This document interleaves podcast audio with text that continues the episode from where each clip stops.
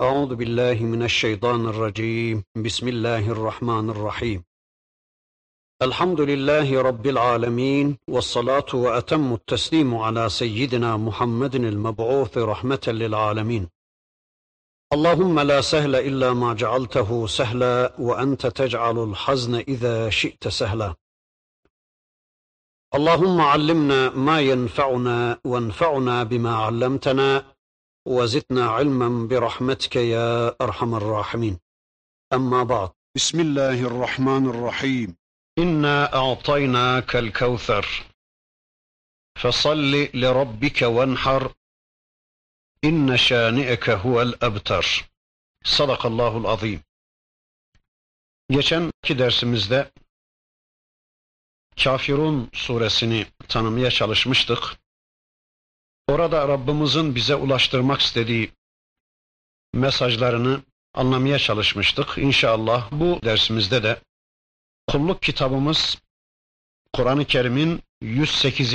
sırasına yerleştirilmiş, Mekke'de nazil olmuş, Kur'an satırıyla bir satırlık bir sure olan Kevser suresi ile karşı karşıyayız.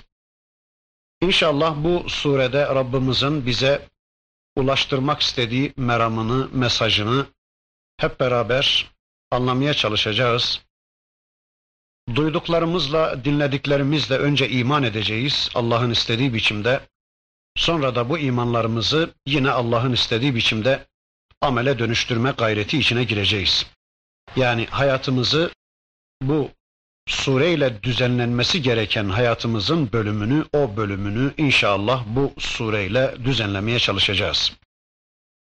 Kevser suresi hayatını Allah için yaşayan, Allah'ın istediği biçimde yaşayan sevgili peygamberimiz Hazreti Muhammed Aleyhisselam'a ve onun şahsında aynen onun gibi Müslümanca bir hayat yaşayan peygamber yolunun yolcularına dünya ve ukbada Rabbimizin lütfedeceği nimetlerini ve Allah'ın bu nimetlerine karşılık Peygamber Efendimizin ve onun yolunun yolcularının da şükür ifadesi olarak kullukta bulunmaları gerektiğini anlatan bir sure.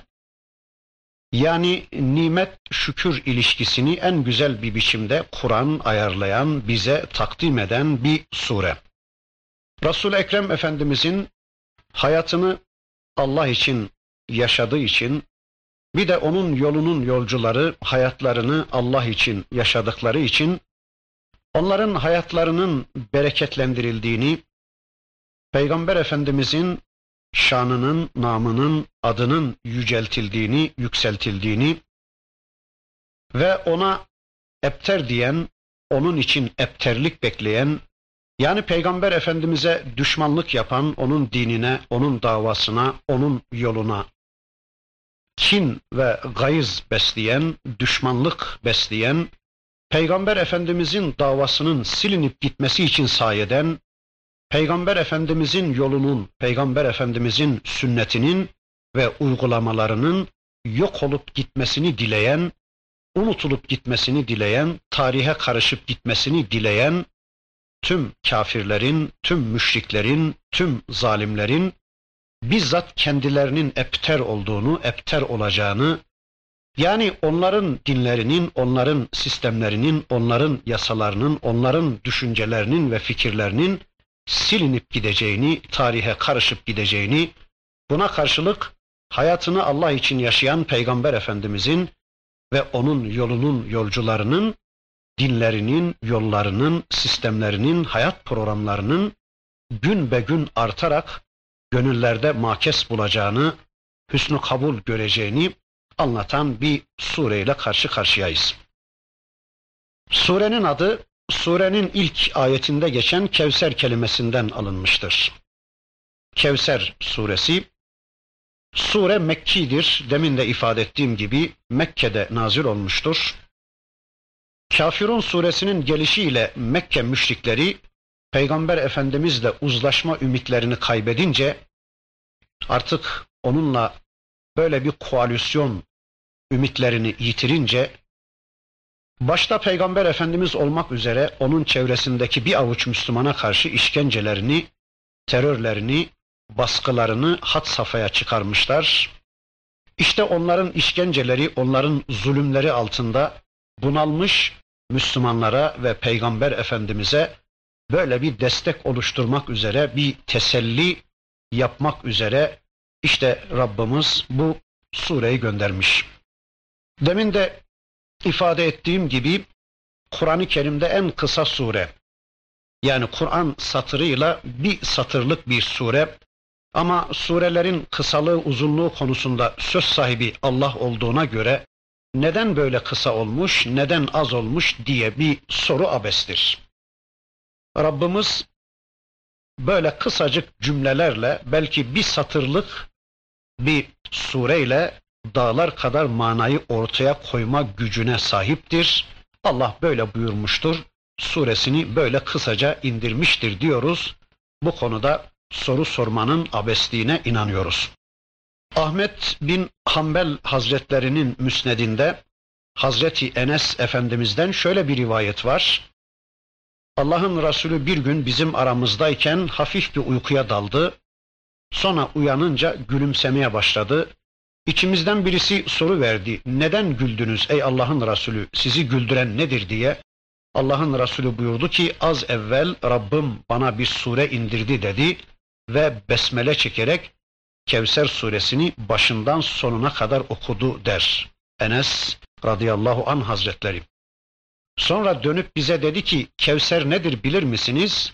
Biz dedi ki Allahu ve Resuluhu alem. Allah ve Resulü daha iyi bilir. Siz buyurun ya Resulallah Kevser'in ne olduğunu siz anlatın dedik. Ve Allah'ın Resulü şöyle buyurdu diyor Hazreti Enes. Kevser aziz ve celil olan Rabbimin cennette bana lütfettiği bir havuzdur, bir ırmaktır ki onun suyu baldan tatlıdır, sütten beyazdır, kardan daha soğuktur. Onun kapları gökteki yıldızlar kadardır. Ümmetim gelip ondan içecekler. Ümmetimden kimileri ondan içmek için yaklaşırken yaka paça tutulacak, siz bundan içemezsiniz diye o havuzdan uzaklaştırılacak diyor Allah'ın Resulü. Onu biraz sonra inşallah söyleyeceğim.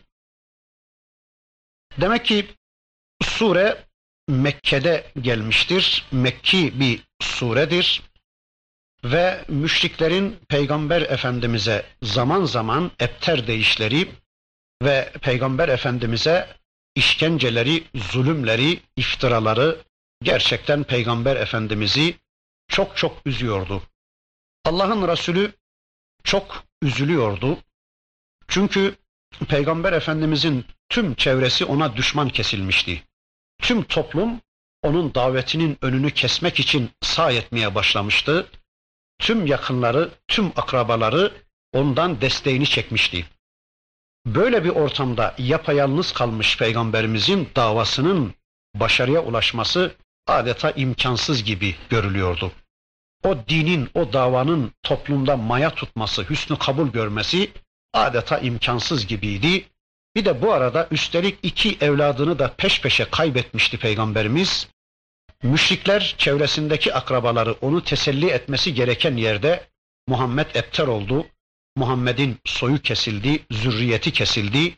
Artık bunun davası da, dini de, yolu da toplumda ilgi görmeyecek, hüsnü kabul görmeyecek gibi bayram edişleri karşısında Allah'ın Resulü gerçekten çok çok üzülmüştü.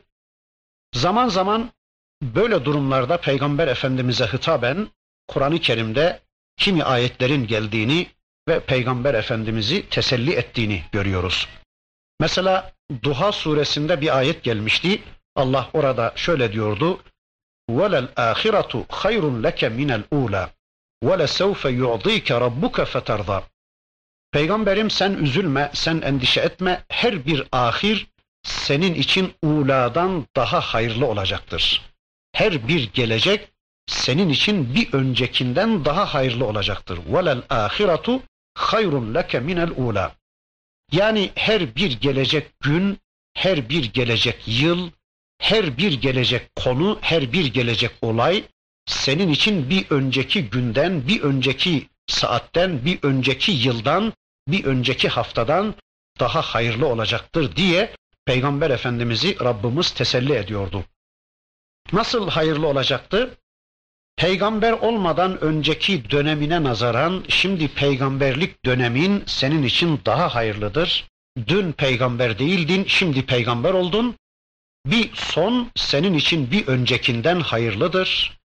Mekke'deki dönemine karşılık Medine'ye hicret etmen senin için daha hayırlıdır. Medine'deki dönemine karşılık Medine'de devlet kurduğun dönem senin hakkında daha hayırlı olacaktır. Sonra Mekke'yi fethetmen Medine'deki dönemine karşılık daha hayırlı olacaktır. Sonra Mekke'de Suudi Arabistan'da tüm Suudi Arabistan'ın Müslümanlaşmasını görmen senin için daha hayırlı olacaktır. Sonra vefatın hayatından daha hayırlı olacak. Sonra cennete ulaşman, sonra makamı Mahmud'a ulaşman. Yani her bir gelecek saniye, her bir gelecek saat, her bir gelecek gün, her bir gelecek hafta, yıl, ay neyse bir öncekinden senin için daha hayırlı olacaktır. Sakın üzülme bu kafirlerin, bu müşriklerin iftiraları karşısında sakın moralini bozma diye Peygamber Efendimiz'i özel böyle teselli etmek üzere Kur'an'da kimi ayetlerin geldiğini görüyoruz. وَرَفَعْنَا لَكَ zikrak diyordu mesela İnşirah suresi. Peygamberim senin zikrini, senin şanını yücelttik diyordu.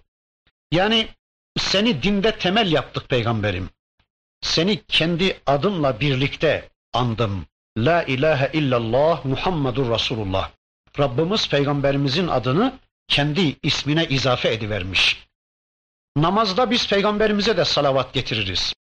Yeryüzünde bütün insanlar, bütün Müslümanlar peygamber efendimize salavat getirir.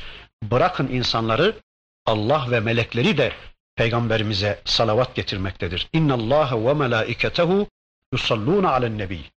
Allah ve melekleri peygambere salat eder. Ya eyyühellezine amenu sallu aleyh ve sellimu teslima. Ey Müslümanlar öyleyse siz de ona salatu selam getirin. Ey peygamberim biz senin adını, biz senin şanını yücelttik. Yani seni dinde temel odak nokta yaptık. Sensiz Müslüman olunmaz dedik. Öyle değil mi? La ilahe illallah Muhammedur Resulullah demedikçe bir adam sadece la ilahe illallah dese bu adam Müslüman olamıyor. Sadece Allah'a inanan bir kişi Müslüman olamıyor. Peygamberimize de iman etmedikçe. Öyleyse ey peygamberim seni dinde temel odak nokta yaptık. Ya da hangi konu gündeme gelirse gelsin sensiz anlaşılamaz hale getirdik, sensiz yaşanamaz hale getirdik. Öyle. Şu anda bakın hangi konuyu gündeme getirirseniz getirin. Zikir mi, fikir mi, tesbih mi, tehlil mi, namaz mı, oruç mu, haç mı, zekat mı, cuma mı, hutbe mi, nikah mı, talak mı? Hangi konuyu gündeme getirirseniz getirin, peygambersiz anlamanız mümkün değil. Peygamberin uygulamasını ortaya koymadan onu uygulamanız mümkün değil. Dinde temel odak nokta yapmıştır Rabbimiz peygamberimizi. Neyse konumuz onlar değil, o ayetler, o sureler geldiği zaman inşallah o sureleri de birlikte tanımaya çalışacağız Allah izin verirse. Burada şunu demek istedim. Peygamber Efendimiz müşriklerin hucumları, saldırıları, zulümleri, yalanlamaları, dışlamaları karşısında üzüldüğü zaman, çevresindeki Müslümanlar da ümit inkisarına uğradıkları zaman, işte zaman zaman Rabbimizin Kur'an-ı Kerim'de özellikle onu onore etmek için, onu teselli etmek için böyle ayetler, böyle sureler gönderdiğini biliyoruz. Yine rivayet ediliyor ki As bin Vail Peygamber Efendimizin oğlu Abdullah'ın vefatıyla bu Ebter demişti veya Ebu Cehil dedi bunu veya Ebu Leheb dedi veya bir başkası dedi fark etmez. Peygamber Efendimizin oğlu vefat edince bu Ebter oldu, bunun zürriyeti kesildi. Artık bunun yolu da davası da kesinlikle kabul görmeyecek, hüsnü kabul görmeyecek diye bayram ettiler de bu sure onlara cevap olarak geldi de deniyor. Çünkü biz biliyoruz ki peygamberimizin şerefi evladıyla değil, evladının şerefi peygamberimizledir. Kur'an-ı Kerim'de Maun suresinden sonra ve Kafirun suresinden önceye yerleştirilen bu sure bu sureler arasında bize şöyle bir de ilişki kuruyor anlıyoruz. Maun suresindeki cimriliğe mukabil burada hayrı kesir anlatılıyor. Maun suresindeki namazsızlığa, münafıkların ve kafirlerin namazsızlığına mukabil burada namaza devam anlatılıyor. Oradaki riyaya mukabil yani gösterişe mukabil burada Allah için, Rabbin için namaz kıl, Rabbin için kurban kes. Yani hayatını Allah için yaşa deniliyor. Bu sureler arasında da böyle bir ilişkinin kurulduğunu anlamaya çalışıyoruz. Bakın kim ki hayatını Allah için yaşarsa bu surede anlatıldığı biçimde malı ve canı konusunda, zamanı konusunda Allah'ı söz sahibi kabul eder ve hayatını Allah için yaşarsa bugün ona da insanlar epter diyecekler. Mesela bir adam bedeni konusunda Allah'ı söz sahibi kabul eder, bedenini Allah'a kulluğa hasreder, Allah'ın istediği biçimde kulluk yapmaya karar verirse bugün de insanlar ona epter diyecekler. Ya da malı konusunda bir adam Allah'ı söz sahibi kabul eder. Yani malla ilişkisini Allah'ın istediği biçimde ayarlar. Yani malını o malın, o mülkün sahibinin yolunda bolca harcamaya kalkarsa cimrilik yapmaz, fakirlikten korkmaz, mal mülk Allah'ındır deyip o konuda Allah'ı söz sahibi kabul edip malını mülkünü bolca Allah yolunda harcamaya kalkarsa bugün de ona epter diyecekler. Bunun sonu güdük. Bu adam olmaz. Bunun sonu iflas. Yakında bu adamın nasıl iflas ettiğini, nasıl sıfırı tükettiğini göreceksiniz diyecekler. Bugün de insanlar ona epter diyecekler. Veya zamanı konusunda Allah'ı söz sahibi kabul eder. Mesela zamanını Allah'ın istediği biçimde değerlendirir. Ayet öğrenmek için, hadis öğrenmek için, Kur'an'ı ve sünneti tanımak için ya da hasta ziyareti yapmak için ya da bir Müslüman kardeşine ayet ve hadis duyurmak, emri bil maruf yapmak, nehy anil münker yapmak için bugün bir Müslüman dükkanını üç gün, beş gün kapadı, tutu verse, kapatı verse bunun sonu iflas diyecekler. Bu adam olmaz, bu epter, bu güdük. Göreceksiniz bu adam bu gidişle sıfırı tüketecek. Yakında gümbür gümbür düşüp gittiğini, yıkılıp gittiğini göreceksiniz diyecekler. Ona da epter diyecekler.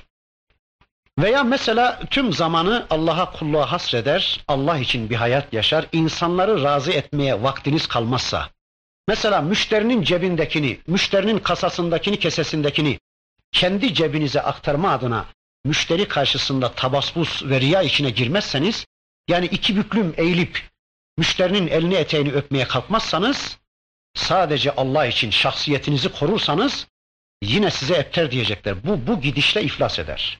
Vallahi kimse bundan mal almaz. Kimse bundan mal almaz. Bu adam yakında iflas eder. Bu epterdir diyecekler. Bu güdüktür diyecekler. Bunun sonu iflas diyecekler. Bunun sonu yok diyecekler.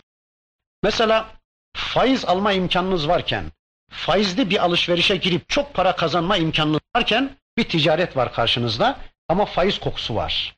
Siz size çok fazla para kazandırması düşünülebilen böyle bir alışverişten sırf Allah korkusundan dolayı, faiz kokusundan dolayı vazgeçiverseniz enayi bu be. Bu kadar parayı tepti, milyarları tepti. Bunun aklı yok. Bu epter, bu güdük, bunun sonu yok diyecekler. Geçenlerde bir arkadaş, geçen derslerimizden birisinde de galiba söylemiştim ama yeri gelmişken bir daha söyleyelim. Bir arkadaşa düzenin kanunlarına göre 5 milyar mı 6 milyar mı miras düşüyordu. Düzenin kanunlarına göre. Ama Allah'ın kanunlarına göre yani İslam'a göre, İslam yasalarına göre, İslam'ın miras hukukuna göre o arkadaşa o akrabasından şer'an miras düşmüyordu.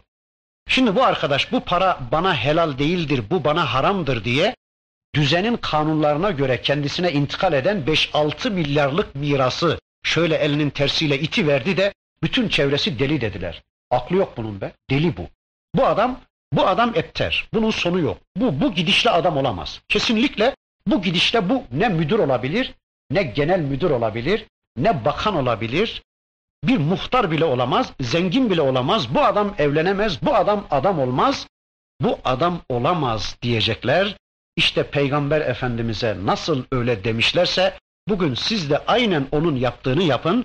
Aynen yani malınızda, canınızda, ailenizde, sahip olduğunuz şeylerinizde ve zamanınızda Allah'ı etkili ve yetkili bilir, Allah'a kulluğa karar verir, Allah'ın istediği biçimde bir hayat yaşarsanız, tüm çevrenizin şirklerinden, küfürlerinden, inkarlarından, ilhatlarından hicret eder, yalnız kalırsanız, yani çevrenizin desteğini kaybederseniz. Çünkü Peygamberimiz toplumundan ayrıldı. İnanç olarak ayrıldı, amel olarak ayrıldı, kılık kıyafet noktasında ayrıldı, sofra anlayışında ayrıldı, kazanma harcama anlayışında ayrıldı, infak anlayışında ayrıldı, ikram anlayışında ayrıldı, hayata bakışta ayrıldı. Her şeyde, her konuda toplumun şirkinden, küfründen, toplumun anlayışından, toplumun dininden ve toplumun yapılanmasından ayrılınca Peygamberimiz desteğini kaybetti toplumunun. Dediler ki bu epter. Bu toplumunun desteğini kaybetti. Bu akrabalarının desteğini kaybetti. Bu epter bunun sonu güdük bu adam olmaz. Bunun davası kesinlikle başarıya ulaşmaz. Bu yakında iflas edecek, tükenecek, sıfırı tüketecek dediler. Ama Allah dedi ki Kevser. İnsanlar epter dedi, Allah da Kevser dedi. Vallahi ikisinden birini tercih edeceğiz. Ya Allah'ın dediğini tercih edeceğiz, Kevser'e razı olacağız, toplumu filan kazımadan bir hayat yaşayacağız. Yani tüm insanlar desteğini bizden çekseler de, tüm insanların gözünde sıfıra insek de yine Allah'ın dediği hayatı tercih edeceğiz. Yine Allah'ın istediği biçimde bir hayat yaşayacağız. İnsanlar her ne kadar epter deseler de Allah da Kevser diyecek. Evet, bugün insanlar böyle bir hayat yaşarsanız epter diyecekler. Mesela teşvik kredisi almazsanız, çok para kazandıracağını bildiğiniz halde teşvik kredisi almazsanız içinde faiz var diye veya elinizin altında yığınlarla kadın kız var diyelim, konum itibariyle, makam itibariyle onların namusu size teslim edilmiş, siz şer'an caiz değildir diye nikahın ötesindeki gayrimeşru bir konuma uzanmıyorsanız enayi diyecekler. Ağzının tadını bilmiyor enayi. Veya haram diye kimi dünya zevklerinizden istinkaf ediverseniz, kimi dünya zevklerinden uzaklaşıverseniz ağzının tadını bilmiyor bu enayi. Sofrasında içki de bulundurmuyor. Allah bilir ya ömründe hiç iki kadeh de almamıştır bu enayi. Ağzının tadını bilmez diyecekler. Varsın desinler, insanlar epter diyecek ama Allah da Kevser diyecek. İşte Peygamber Efendimiz böyle bir hayat yaşadığı için ona epter dediler ve bu sure nazil oldu. İşte baştan sona bu konuyu anlatan bir sureyle karşı karşıyayız. Biraz uzun mu oldu mukaddime? Bu mukaddimeden sonra inşallah surenin ayetlerini tek tek tanımaya çalışalım. İnna atayna kel kevfer. Peygamberim biz sana Kevser'i verdik. Kevser kelimesi hayrı kesir anlamına geliyor. Çok hayır demektir bunun manası. Biz sana sınırsız boyutta hem dünyevi hem de uhrevi hayırlar verdik, nimetler verdik peygamberim. Bu konuda Kevser kelimesi üzerinde uzunca söz edilmiş. İnşallah şöyle kısa bir özet yapayım. Nedir bu Kevser? Ne anlama geliyor bu Kevser? İnşallah bunun üzerinde şöyle kısa bir özet yapalım. Demin de ifade ettiğimiz gibi Peygamber Efendimizin bir hadisi vardı. Kevser ya mahşer yerinde bir havuzdur veya cennette bir ırmaktır, cennette bir havuzdur. Demin okudum hadisi.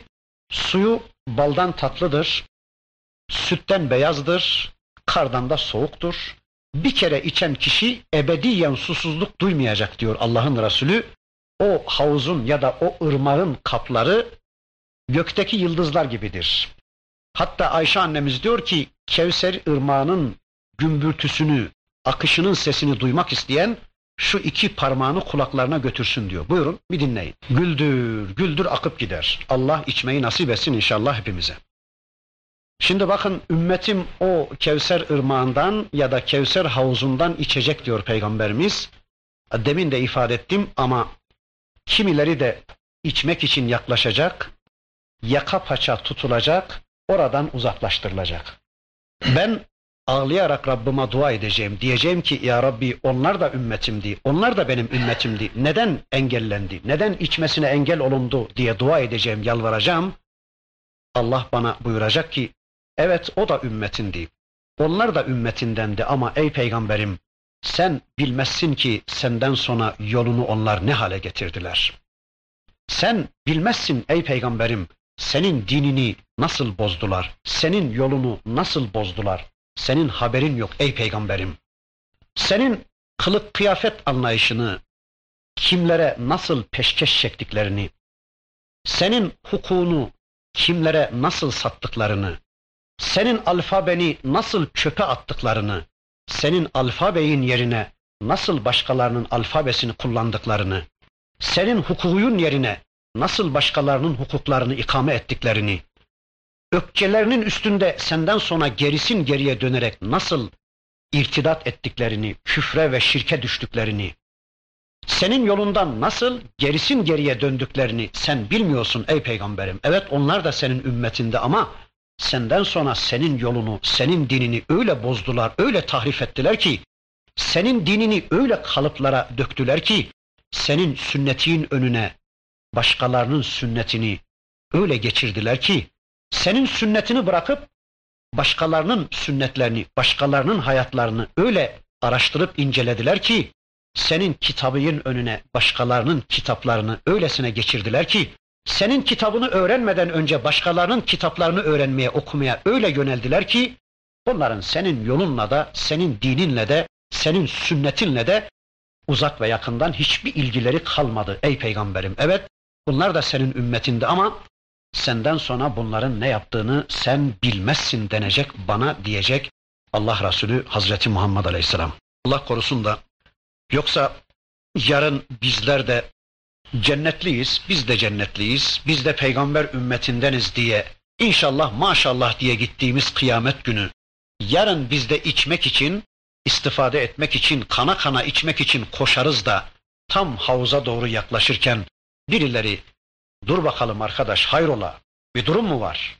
Sen buradan içmeye layık değilsin diye yaka paça bizi o havuzdan uzaklaştırırlarsa, o Kevser ırmağından mahrum bırakırlarsa Allah için bunu bugünden bir düşünelim. Gerçekten oraya layık olanlardan mıyız? Oradan içecek insanlardan mıyız? Yoksa yaka paça oradan uzaklaştırılacak insanlardan mıyız? Bunu bugünden çok ciddi ciddi düşünmek zorundayız ve çaresini de bulmak zorundayız. Allah'ın dininden haberdar olmak zorundayız. Allah'ın kitabını tanımak zorundayız. Allah'ın peygamberinin sünnetini aynen muhafaza etmek zorundayız kitabı, dini, sünneti muhafaza etmek, müdafaa etmek zorundayız. Ama muhafaza edebilmek için, müdafaa edebilmek için de kitabı ve sünneti önce bir tanımak zorundayız.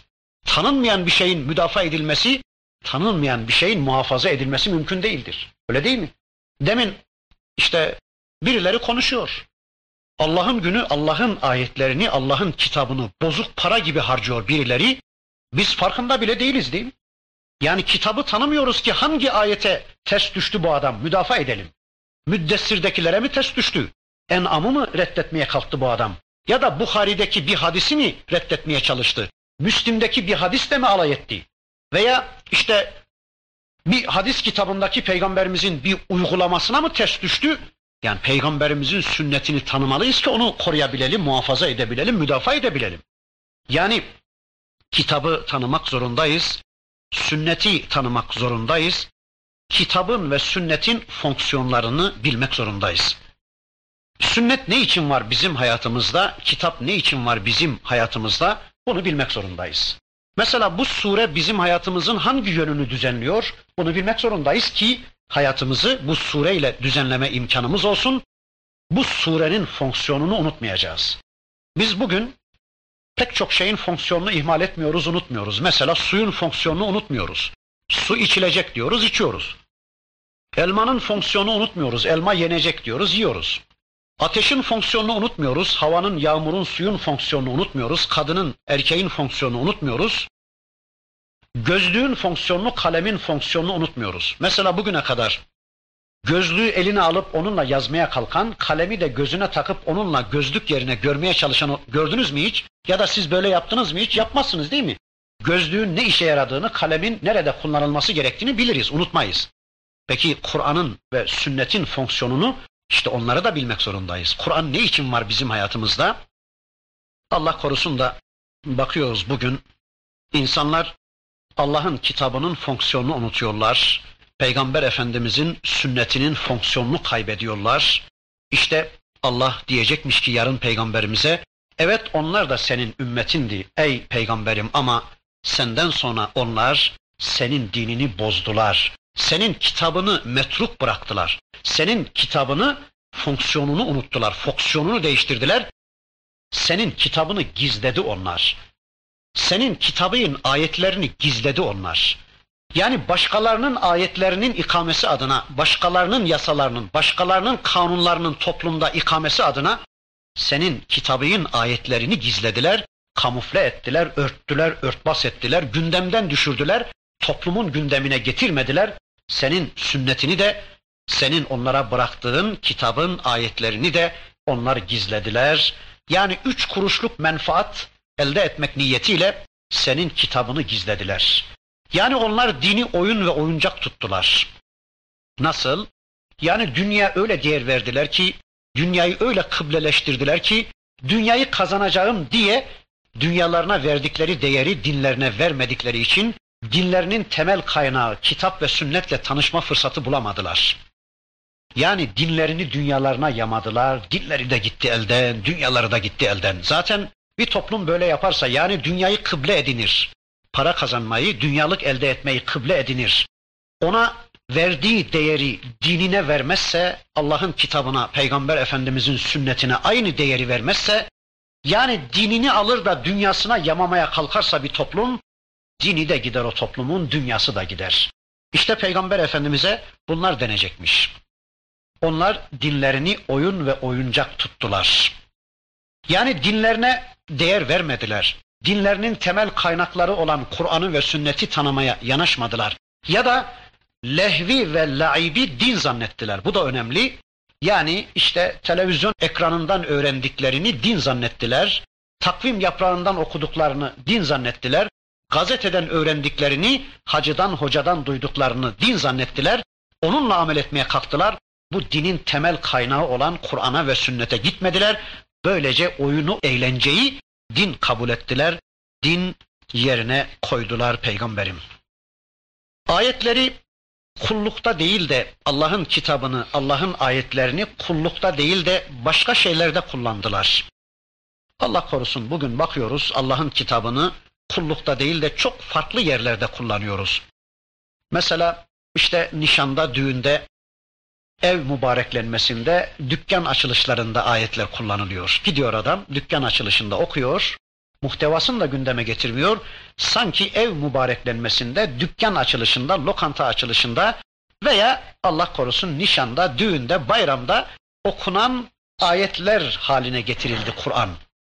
Veya adam diyor ki ben bu sureden doçent olurum diyor. Bu sure beni çok rahat doçent yapar diyor. Doçentliğine malzeme yapıyor Allah'ın ayetlerini. Veya adam diyor ki ben bu sureden çok rahat profesör olurum diyor. Yani o ayetleri anlamaya çalışmıyor. O ayetleri araştırıyor ama doktorasında ya da işte doçentliğinde malzeme olarak kullanıyor. O ayetleri yaşamıyor. O ayetlerin yaşanması için ciddi bir kavga vermiyor. O ayetleri topluma duyurma derdini içinde hissetmiyor. Sadece doçentliğinde, doktorasında ya da para kazanma noktasında bu sure benim işime yarar diyor. Allah'ın ayetlerini, Allah'ın kitabını Allah korusun insanlar buralarda kullanıyorlar. Veya işte sülüstü, divandı, celiydi işte duvarda görüyoruz bakın yazılar. Yani yazı türlerinin sergilenmesinde Allah'ın ayetlerini malzeme olarak kullanıyor kimileri. Alt alta yazıyor, üst üste yazıyor. Bu divandır diyor, bu sülüstür diyor, bu yazı tipi, bu yazı sanatı şudur diyor. Sanki Allah'ın ayetlerini, işte yazı modellerini, yazı türlerini sergilemekte malzeme olarak kullanıyor kimileri Allah korusun. Veya medreselerde şu anda Allah korusun Kur'an-ı Kerim Arapçanın alıştırma kitabı. Müpteda mıdır, mazmum mudur, meksur mudur, işte merfu mudur, fiil midir, fail midir? Medreselerde şu anda Kur'an-ı Kerim Arapçanın alıştırma kitabı. Adam okuyor ayeti. Bakın çocuklar diyor burada inna gelmiş. Bu işte şudur atayna gelmiş, ke gelmiş, işte el kevser gelmiş. Bu şunun için mansup olmuş. Şurada müpteda olmuş, burada fiil olmuş, burada fail olmuş. Hepsi bu. Ama bu ayetin muhtevasını ortaya koymuyor adam. Sanki Allah korusun Kur'an-ı Kerim Arapçanın alıştırma kitabı. Kimileri de Kur'an-ı Kerim'i böyle bir yerde kullanıyor. İşte diyecekmiş ey peygamberim senden sonra onlar senin kitabını nerelerde kullandılar? senin dinini hangi kalıplara döktüler? Senin kitabını kullukta kullanmadılar. Hayatlarını senin kitabına sormadılar. Hayatlarını senin sünnetine sormadılar. Ya da hayatlarının bazı bölümlerini işte Kur'an kaynaklı, sünnet kaynaklı ama öteki bölümlerini başkalarının yasaları, başkalarının ayetleri kaynaklı yaşadılar. Böyle küfürle iman, böyle sarmaş dolaş şirket içinde bir hayat yaşadılar. Onun için bunlar buradan içmeye layık değiller. Kimileri de işte haftada bir gün böyle ilgilendiler Kur'an'la, bir gün dinlediler. Mesela şu anda bizler. Eğer sadece bununla iktifa ediyorsanız, haftada bir gün benim anlattığım, anlattığım değil, karşınızda yüzdüğüm. Ben şu anda yüzüyorum karşınızda, kulaç atıyorum. Siz oturuyorsunuz karşıya. Siz oturun diyorum, rahatsız olmayın. Altınıza sergiler de seriyorum. Beni bir seyredin diyorum. Karşınızda bir yüzüyorum. Yüzme gösterisinde bulunuyorum. Kulaç atıyorum, batıyorum, çıkıyorum. İşte böylece yüzülür. Haydi dağılın diyorum. Siz gidiyorsunuz. Bir hafta sonra bir daha geliyorsunuz. Oturun kardeşler aynı yere üstelik veya farklı evler fark etmiyor. Altınıza güzel minderler, sergiler. Ben bir yüzeyim seyredin. Böyle yıllarca yüzüyoruz. Siz seyrediyorsunuz, ben yüzüyorum. Böyle sittin sene de seyretseniz beni vallahi de billahi de yüzme öğrenemezsiniz. Mümkün değil. Yüzme öğrenmenin yolu Bismillah deyip siz de başlayacaksınız. Bu sureyi mesela hemen yarın birilerine duyurmaya başlayacaksınız. Anlayabildiğiniz kadarıyla o zaman havuza gitme hakkımız olur. Değilse sadece haftada bir gün böyle bir yüzücüyü, böyle bir dalgıcı seyretmekle de herhalde o havuza pek gidilemeyecek gibi. Vallahi iyi düşünelim, iyi karar verelim. Evet, onlar dinlerini bu hale getirdiler peygamberim. Demek ki buraya kadar şunu söyledim ben, Kevser kelimesinin bir manasını söyledim. O da neymiş? Cennette bir havuz ya da cennette bir ırmak. İşte Allah Peygamber Efendimiz'e ve onun şahsında bize onu lütfedecekmiş. Kevser kelimesinin bir başka manası da bütün dinlere üstün getirilen, bütün dinlere galip getirilen teslimiyet dini olan İslam dinidir deniyor. Yani peygamberim biz sana Kevser'i verdik derken Rabbimiz bütün dinlere üstün getirilen teslimiyet dini olan İslam dinini sana verdik diyor Rabbimiz. Veya Kevser kendisinden önceki bütün kitapları nesheden, kendisinden önceki bütün kitapların hükmünü kaldıran, kıyamete kadar hükmü baki olan, kıyamet sonrası da insanların kendisiyle yargılanacağı, sorgulanacağı, kabirde de insanların kendisiyle sorgulanacağı bu kitaptır, Kur'an'dır deniyor. Öyleyse peygamberin biz sana Kevser'i verdik derken Rabbimiz böyle bir kitap verdik sana diyor. Ya da kıyamete kadar devam edecek, kıyamete kadar bütün insanlığın problemlerini çözmeye devam edecek Peygamber Efendimizin sünnetidir deniyor Kevser. Öyleyse biz sana sünnet verdik peygamberim diyor Rabbimiz. Bir de bu hikmettir denmiş. Kevser hikmettir deniyor. Hani Bakara suresinde bir ayeti kerimesinde Allah buyuruyordu ki yu'til hikmete men yeşâ ve men yu'tel hikmete fakat utiye hayran kefira. Allah dilediğine hikmeti verir. Kime hikmet verilmişse ona hayrı kefir verilmiştir. Çok hayır verilmiştir. Hani sözlerimin başında Kevser kelimesinin anlamı da hayrı kefir yani çok hayır demiştik ya. İşte Peygamber Efendimiz'e ve onun şahsında ümmetine verilen hikmettir denmiş. Peki hikmet nedir? Bir iki cümle halinde söyleyeyim, muallakta bırakmayalım. Hikmet sözde ve fiilde isabettir deniyor. Sözde ve fiilde isabet. Yani bir adamın sözüyle fiili uygunsa, mutabıksa o hikmetli kişidir. Ama bir adam ki sözü güzel, sözü hoş ama hayatı sözüne uygun değilse, yani sözüyle hayatı birbirine uymuyorsa ona hikmetli kişi denmez. Mesela filozoflar var değil mi? Çok güzel söz söylerler. Çok tumturaklı böyle söz söylerler. Ama hayatlarına baksanız sözlerinin kokusunu bile göremezsiniz. Felsefeciler, filozoflar. Onlara hakim denmez, onlara hikmetli denmez. Hikmetli kim? Peygamberimiz.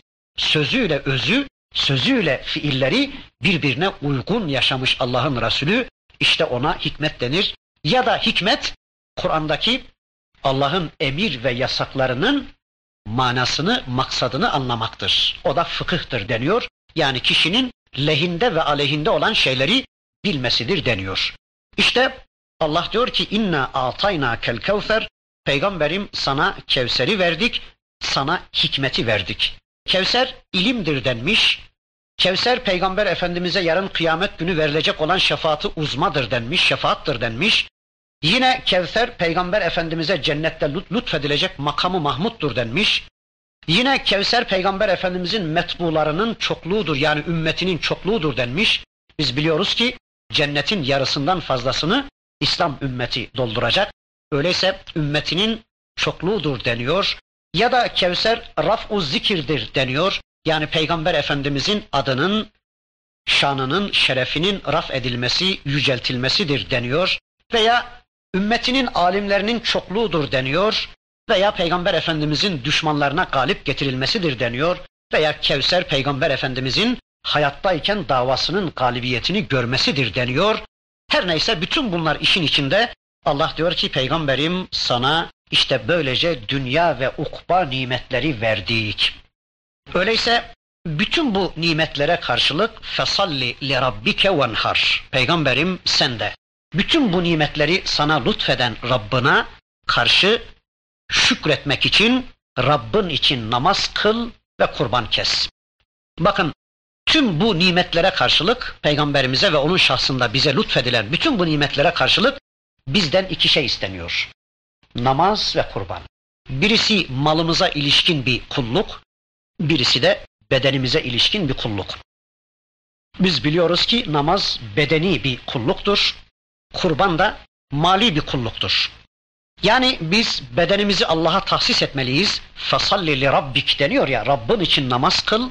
Yani bedenimizi Allah'a tahsis etmek zorundayız. Ki namaz daha önceki derslerimizde de ifade etmeye çalıştım namaz kılan bir Müslüman bütün bedeninde Allah'ı söz sahibi kabul etmiş demektir.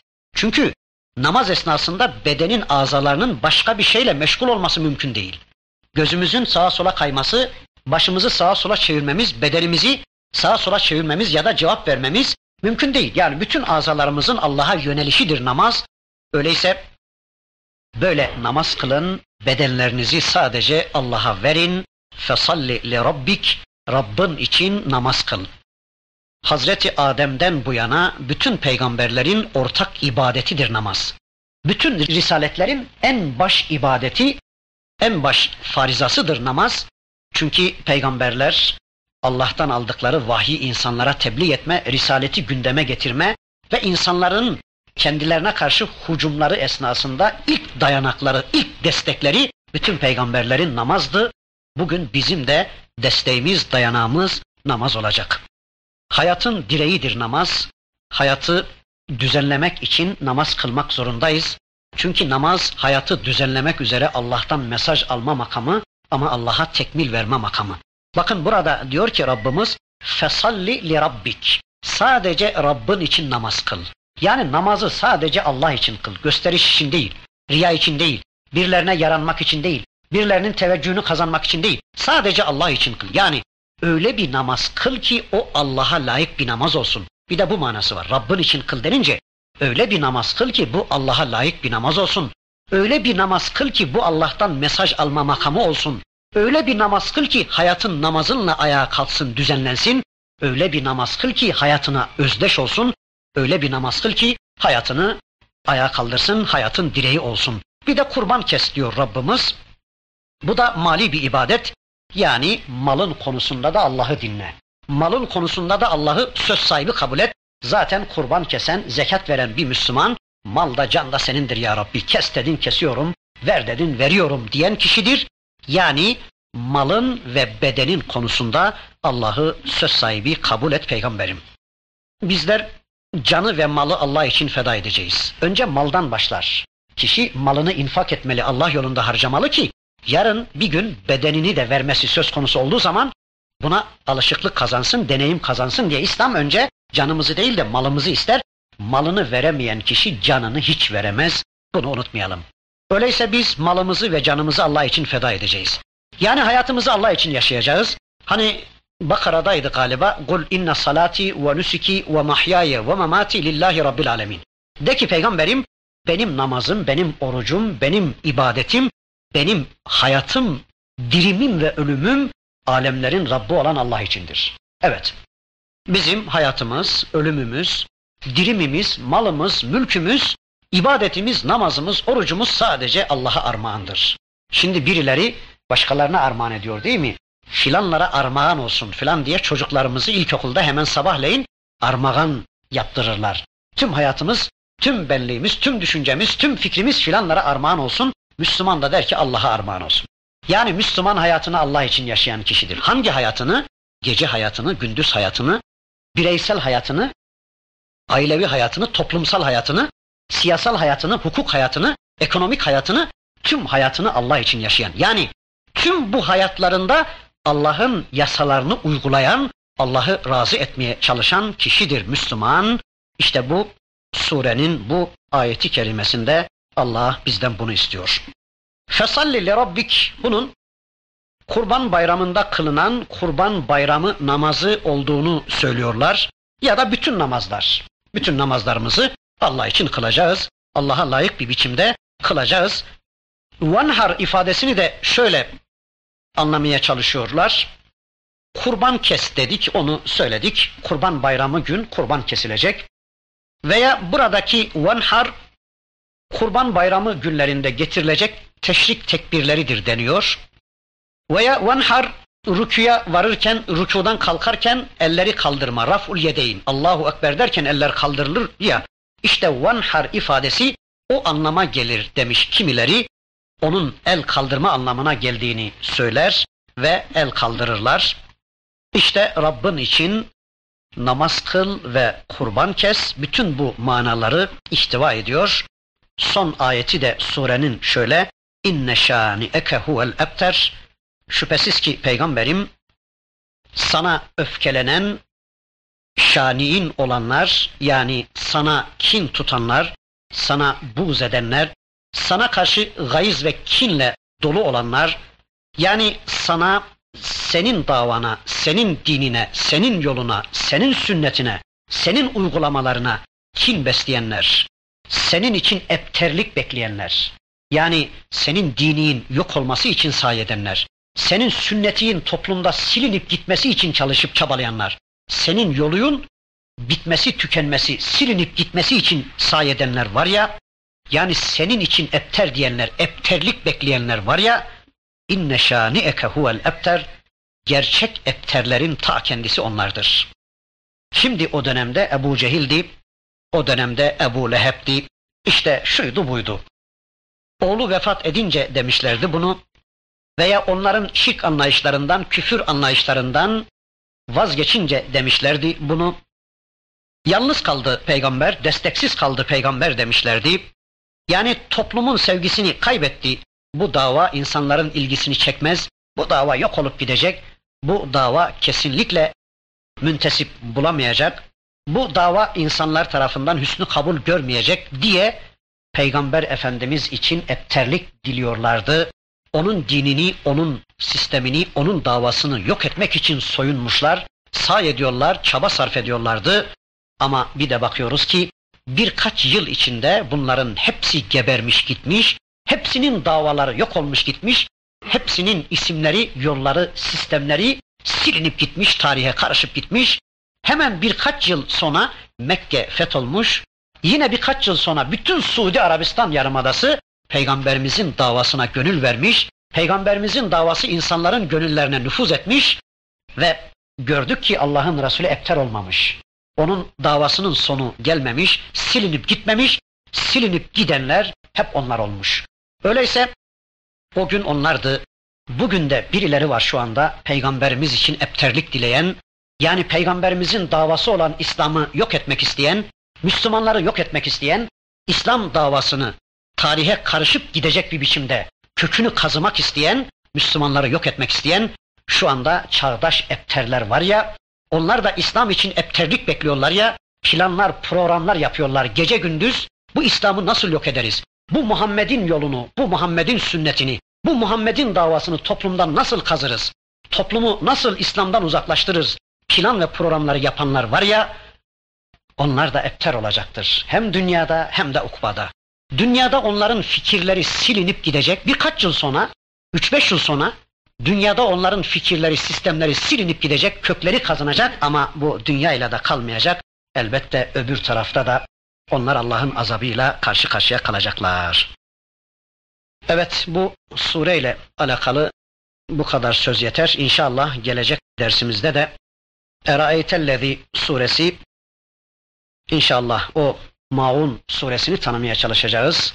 Allah duyduklarımızla amel etmeyi ve hayatımızı bunlarla düzenlemeyi nasip ve mukadder kılsın. Allah hepinizden razı olsun. Velhamdülillahi Rabbil alemin. El Fatiha.